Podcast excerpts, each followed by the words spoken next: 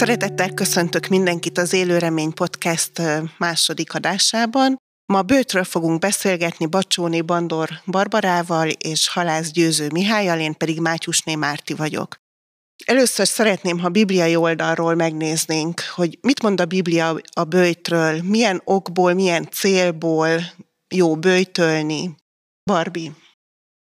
Én úgy gondolom, hogy a Bibliában nem az van, hogy lehetséges, hanem az, hogy kell bőjtölnünk, hogy, hogyha végigvesszük a Biblián, már az Ószövetségben megfigyelhetjük, hogy amikor valamiért bőjtöltek, azt azért tették, hogy nyomatékosítsák a kérésüket Isten felé. A Bibliában ugye számos példa van erre, de a legfontosabb példánk ugye Jézus, aki 40 napig bőjtölt a pusztában. És ugye az igében is azt mondja, hogy amikor bőjtöltök. Tehát mindenképp fontos azt figyelembe vennünk, hogy ez nem opcionális keresztényként, hanem ez egy olyan dolog, amit kell tennünk. És biblikusan, amikor bőjtölünk, akkor Jézus tanítását, ugye, amit a hegyi beszédben mond el, de lehet, hogy erről majd Gyömi többet tud mondani, amit a hegyi beszédben mond el, hogy amikor bőjtölünk, hogyan bőjtöljünk, és hogyan vigyük a, a kérésénket Isten elé. Én kicsit távolabbról kezdeném a, a dolgot. Ugye alapvetően az, a, az az, ami egy fontos része az emberi életnek, hogy szeretnénk minél közelebb kerülni Istenhez, szeretnénk minél jobban megismerni Istent, megismerni az ő akaratát, és egyrészt általánosan, másrészt pedig megismerni az ő akaratát speciálisan a mi életünkre. Mi az, amit szeretne, mi az, amit elvár tőlünk Isten. És a bőjt és az ima ez kettő olyan dolog, illetve ott van még az adakozás, ez az, amit Barbie, Barbie említett, hogy a hegyi beszédben Jézus ugye ezt a hármat tárgyalja, az adakozás, bőjt, ima, és a bőjt és az ima nagyon fontos abban, hogy ráhangolódjunk Istenre, közelebb kerüljünk hozzá, jobban megértsük az ő akaratát, és a bőjt, ahogyan Barbie is mondta, ez szükséges ebben, kötelező, tehát hogy, hogy fontos azt megérteni, hogyha van egy olyan, mondjuk így eszköz, amelyik közelebb visz minket Istenhez, akkor az nagyon nagy tékozlás lenne azt csak felakasztani a, a fogasra, és nem használni. Akkor mit mond a Biblia, hogy milyen a, a jó bőjt? Ugye vannak példák Eszternél, Dánielnél, de van-e konkrét iránymutatása arra, hogy milyen milyen módon kell bőjtölni, vagy hogy hogyan bőjtöljünk? Hát ugye, amit, a, amit a Bibliában olvasunk, az az, hogy amikor bőjtöltök, ne legyetek búsképűek, mind a képmutatóak. Tehát valószínűleg ezzel, én, én ezt mindig úgy értelmeztem magamba, hogy nem kell a világnak tudni, hogy én éppen bőjtölök. Ez egy olyan tevékenység, ami Isten és köztem zajlik le, és Isten és én köztem van, és köztünk fontos. Az, amit mi teszünk, amit csinálunk, Éppen ezért úgy gondolom, hogy fontos ezt figyelembe vennünk. Az, hogy milyen bőjtöt, vagy hogyan folytatjuk a bőjtöt, ugye ebben is több-több több számos példánk van, hogyan mentek Isten elé. Hogy van-e jó módja, én bevallom őszintén, hogy, hogy nem vagyok benne biztos, hogy erre így konkrétan kapunk útmutatást, de lehet, hogy ezt is Gyömi jobban tudja. E, igazából ugye azt fontos tudni, hogy a bőjt megtalálható más vallásokban is. Ugyanakkor fontos tudni azt a, a pogány vallások esetében, hogy ott általában mindig az istenség gyakorlatilag lefizetéséről van szó. Tehát, hogy én valamit megteszek, és akkor majd te valamit cserébe megteszel. Tehát, hogy ez teljesen más ebben a relációban. A bőjt viszont tényleg az, hogy közelebb visz Istenhez, amit, amit ugye említésre került, tehát Dániel Eszternél, ott mindig nagy döntések és nagy nehéz helyzetek idejében történik. Tehát az, hogy mielőtt bemegy az uralkodóhoz Eszter, három napig bőjtött tart. A, amiről szó van aztán, tehát az 21 napos bőjt, az úgynevezett Dánieli bőjt, ez a Dániel könyvében le van írva, hogy a három hetes bőjt után van az, hogy Dániel egy olyan isteni kijelentést kap, ami gyakorlatilag mondjuk így, hogy elmondja a perzsa birodalomnak a későbbi történetét, hogy majd aztán jön Nagy Sándor, legyőzi őket, stb. Tehát, hogy ez mindig összeköthető ahhoz, hogy tényleg komoly, Istenre fókuszáló bőjt, és itt nagyon fontos volt, hogy, tehát, hogy ne adjuk elő a nagy szenvedést, nem kell, nem kell ezt állandóan előadni, mert Jézus idejében ugye a farizeusok ezt már képmutatásból tették, tehát hogy ott ők heti kétszer tartottak bőjtöt, és és ez náluk már muszájból ment, mert ezzel akarták mutatni, hogy ők mennyire szentek. Csak itt, ahogyan elhangzott, ez Isten és ember között van, és mivel Isten és ember között van, ezért amennyire az fontos nekünk, az annyira lesz fontos az Istennek. Tehát ha mi csak muszájból, és és úgy érezzük, hogy képmutatásból, mert hogy jaj, mindenki teszi, akkor én se akarok kimaradni, akkor, akkor, akkor azt az Isten se fogja komolyan venni. Egy másik fontos rész, és ez az, ami a gyülekezet szempontjából fontos, hogy van úgynevezett közösségi bőjt.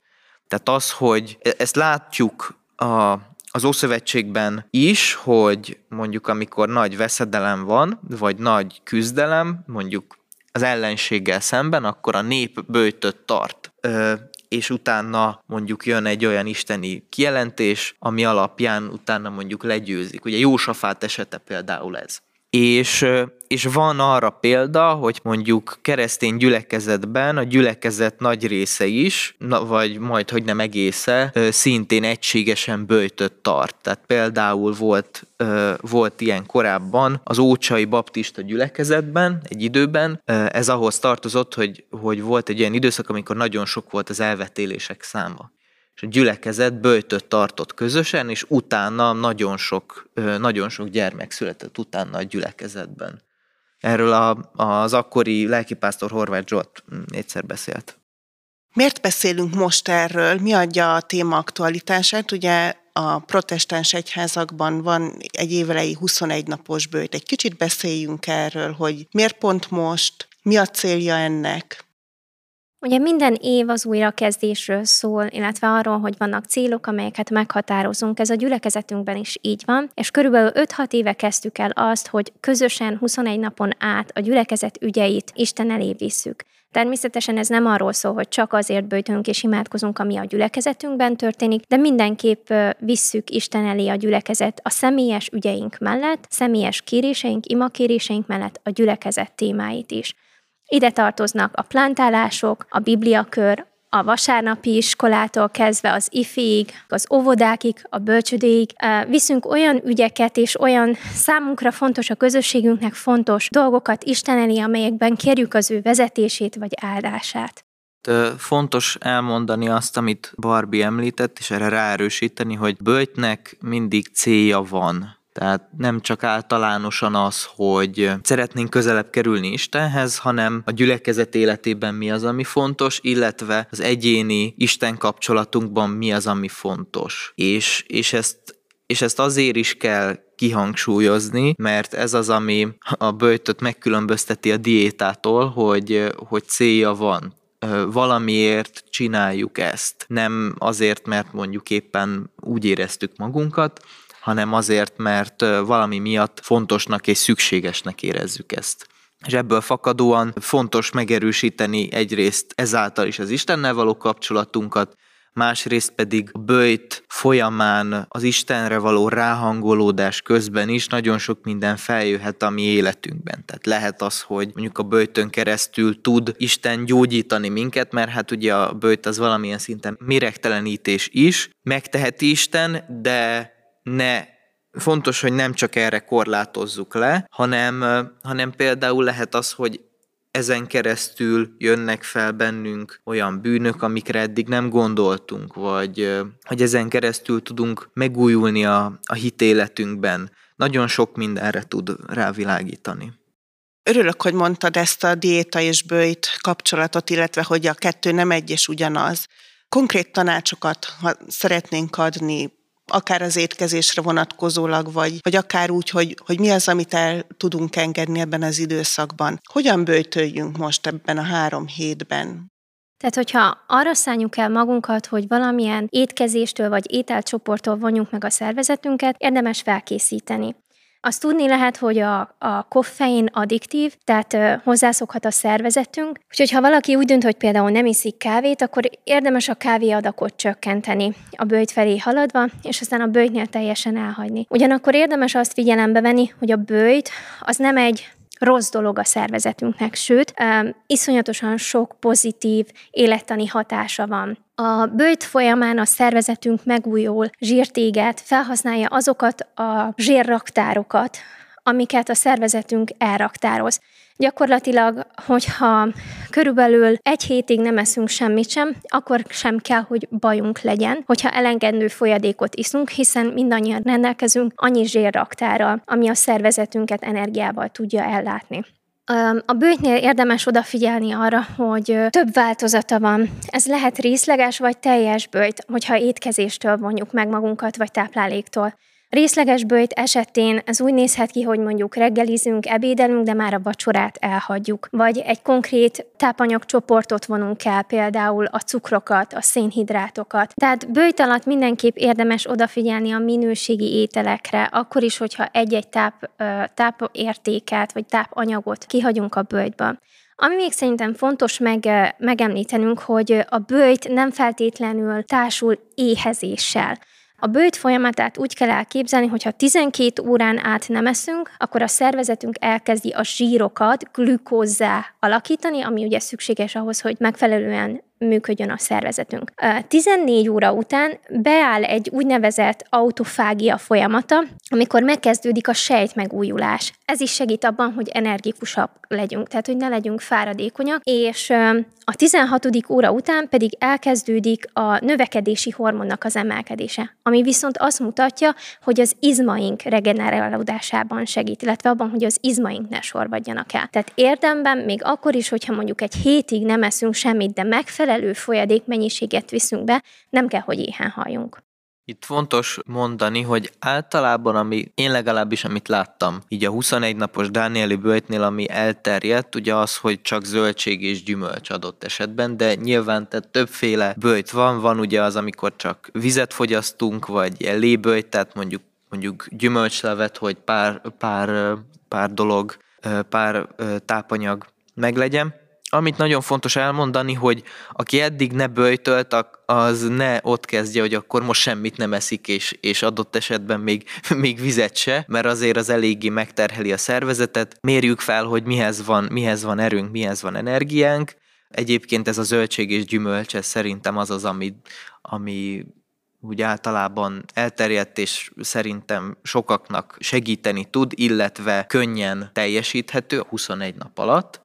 Amire itt ö, figyelni kell, a, az, a, az az elegendő, sőt, nem tudom eléggé hangsúlyozni, hogy, hogy nagyon sok vízbevitel, illetve az, hogy a tápanyagok megosztásánál, amire ugye fehérje, az nem maradjon ki. Érdemes utána nézni, tehát hogyha a zöldség és gyümölcsöt fogyasztanak csak a bőjt alatt, akkor fontos rákeresni adott esetben, hogy melyek azok a zöldségek, amelyik, amelyek sok fehérjével rendelkeznek. Tehát például ilyen csicseri borsó, vagy mondjuk a lencse, tehát ezeket fontos, fontos az adott esetben rákeresni, mert ez az a, egyébként is a, a fehérje egy olyan, egy olyan tápanyag, hogyha abból elegendőt vagy, vagy többet teszünk, akkor az amúgy is el fog telíteni minket, tehát nem fogjuk azt érezni, hogy hiányzik az, hogy most húst tegyünk, mert, mert mondjuk annyira, annyira éhesek vagyunk folyamatosan. Beszéltünk eddig arról, hogy a bőjt az Istennel való kapcsolatunkat erősíti, de arról is, hogy a testi szinten is jót tesz nekünk, tehát emiatt is érdemes. Ézsaiás könyvében ír arról Ézsaiás, hogy milyen az Istennek tetsző bőjt. Ugye ez sokkal inkább az elengedésről szól. Erről is azért, ha beszélnénk egy pár szót, hogy, hogy a diéta mellett, illetve tehát a, a táplálék megvonás mellett, akkor milyen az Istennek tetsző bőjt? Mi az, amit mondjuk úgy idézőjelesen, ami, amit ő nyerhet vele? Um, szerintem mindenképp fontos az, hogy amikor bőjtölünk, akkor szabaddá tesszük magunkat arra, hogy sokkal több időt tudjunk Istennel tölteni. Tehát épp ezért, hogyha nem étkezésektől vonjuk, vagy tápanyagoktól vonjuk meg a szervezetünket, el tudok képzelni egy tévémentes bőjtöt, egy nem tudom ki mivel szórakoztatja magát, tehát minden olyan élvezeti dolog, dolog elhagyását, amivel mondjuk kevesebb időnk jut Istenre. Éppen ezért szerintem, hogyha valaki nem feltétlenül a táplálékot vonja meg magától, hanem valamilyen élvezeti dolgot, akkor mindenképp fontos az, hogy a felszabadult idejét Istennel töltse. És én úgy hiszem, és ez az én hitem teljes mértékben, hogy az Istennek tetsző bőjt az, amikor imádságban naponta akár többször is leborulunk elé, és elévisszük azokat a dolgokat, amelyekért imádkozunk. Ugye az ige is azt mondja, hogy ezekben az imákban, a bőjtel megtámogatott imákban erő van. És azért van benne erő, mert nem csak, hogy imában, de szellemileg az ima által és a bőjt által közelebb tudunk kerülni Istenhez. Nekem az egyetemen nagyon sok olyan mondjuk szaktársam vagy, vagy évfolyamtársam volt, akik mondjuk például katolikus háttérből jöttek, ők például a nagy bőjt alatt ők, ők alapvetően social media vagy hasonló bőjtöt tartottak. Tehát, hogy akkor abszolút nem nyúltak ezekhez, vagy nem néztek uh, filmet, nem néztek sorozatokat. Egyébként ez is elképzelhető, hiszen az, ami elhangzott, tehát hogy a, a kedvtelés az az, ami kedves nekünk, az az, amiben az, amit hajlandóak vagyunk, és fontosnak látjuk, hogy most félre tegyük azért, hogy Istenre tudjunk jobban koncentrálni.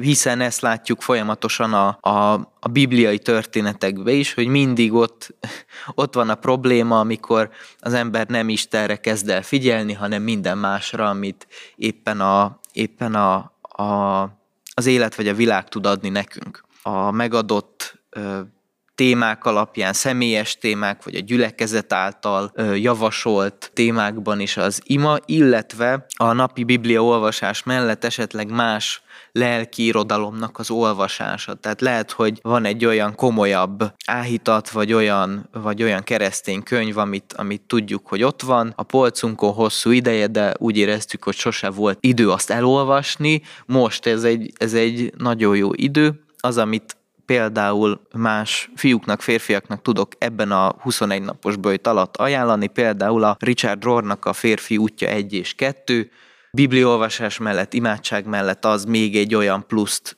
ö, tud adni, ami, ami sok mindenre rávilágíthat az Istennel való kapcsolatunkban például. Tehát akkor Isten azért örül a mi bőjtünknek, mert közelebb kerülünk hozzá, és ő szeret minket, és szeretne velünk minél több időt ő is eltölteni. Szeretném, ha beszélnénk még akkor az első hét témájáról. Az András listáról szeretném, ha egy picit beszélgetnénk, mert nem biztos, hogy mindenki tudja, hogy ez micsoda. Tehát az András lista egy olyan lista kell, hogy legyen az életünkben, lehetőleg leírva, amin azon, azoknak a személyeknek a neve van rajta, akik még nem tértek meg, de szeretnénk Isten elévinni. Ugye András, amikor először hallott Jézusról, akkor rögtön elszaladt a testvéréért Simonért, és oda vitte őt Jézus elé, és bemutatta neki. Az András listánkat így kell elképzelni. Olyan számunkra fontos rokonok, barátok, ismerősök vannak rajta, akik még nem ismerik személyesen Jézust, és szeretnénk, hogyha megismernék őt. Az András listánkon szereplő nevekért értelemszerűen imádkozhatunk, és böjtölhetünk a böjt alatt is, de érdemes azért elhívni őket a, a gyülekezetünkbe, elhívni őket egy-egy evangelizációra, illetve amikor a, az alkalom adja, akkor Istenről beszélni velük, és a hitünkről. És akkor még az első hét témájáról beszélnél egy picit. Igen, tehát az első héten a személyes életünk lesz a központban. Több úszítás fog majd a gyülekezet zárt Facebook csoportjába kimenni. Az első héten elsősorban a vezetőinktől, a gyülekezet vezetőinktől, és itt olyan témák lesznek, mint a gyülekezet öt célja és a mi személyes öt célunk, ugye ezt Benyámin többször hangoztatja, ez fent van a gyülekezetünk weboldalán és Facebook oldalán is, tehát ott is meg lehet keresni ezeket a célokat, amelyek a személyes életünkben is célok kell, hogy legyenek hívő embereként. Illetve ide tartozik még a lelki növekedés, az evangelizáció, ugye itt említettük az András listát, a dicsőítés, a közösség megélése, a szolgálat, az adakozás, tehát mind-mind olyan téma, amely a személyes életünkre hatással van, illetve hozhatunk olyan témákat is értelmszerűen, amelyeket nem mi sorolunk fel, és nem mi hozunk példaként.